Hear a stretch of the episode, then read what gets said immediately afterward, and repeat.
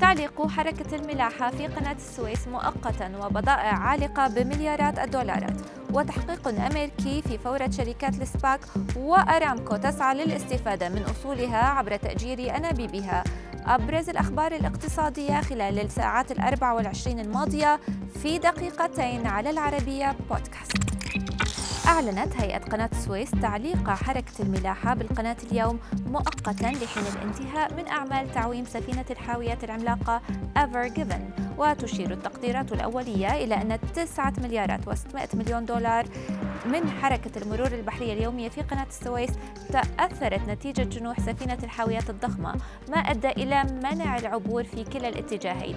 يستند هذا الرقم إلى تقييم أجرته لويدز ليست بدأت هيئة الأوراق المالية والبورصات الأمريكية تحقيقا في حمى شركات الشيكات على بياض التي تجتاح وول ستريت وذلك بحسب وكالة رويترز. يأتي ذلك بعد توافد أكثر من 700 شركة SPAC إلى نيويورك خلال ال 12 شهرا الماضية سعيا إلى جمع 227 مليار دولار.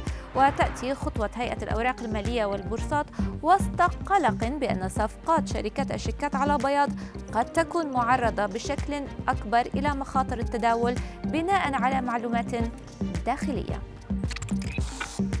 أرسلت أرامكو السعودية طلبا إلى البنوك لتقديم عروضها لتمويل ترغب الشركة في إتاحته لمستثمرين يتطلعون لاستئجار خطوط أنابيب تملكها الشركة وذلك بحسب رويترز. إذ ترغب شركة النفط العملاقة في استخلاص القيمة من أصولها وتهدف لتسهيل تمويل الصفقة للمهتمين في استئجار أنابيبها.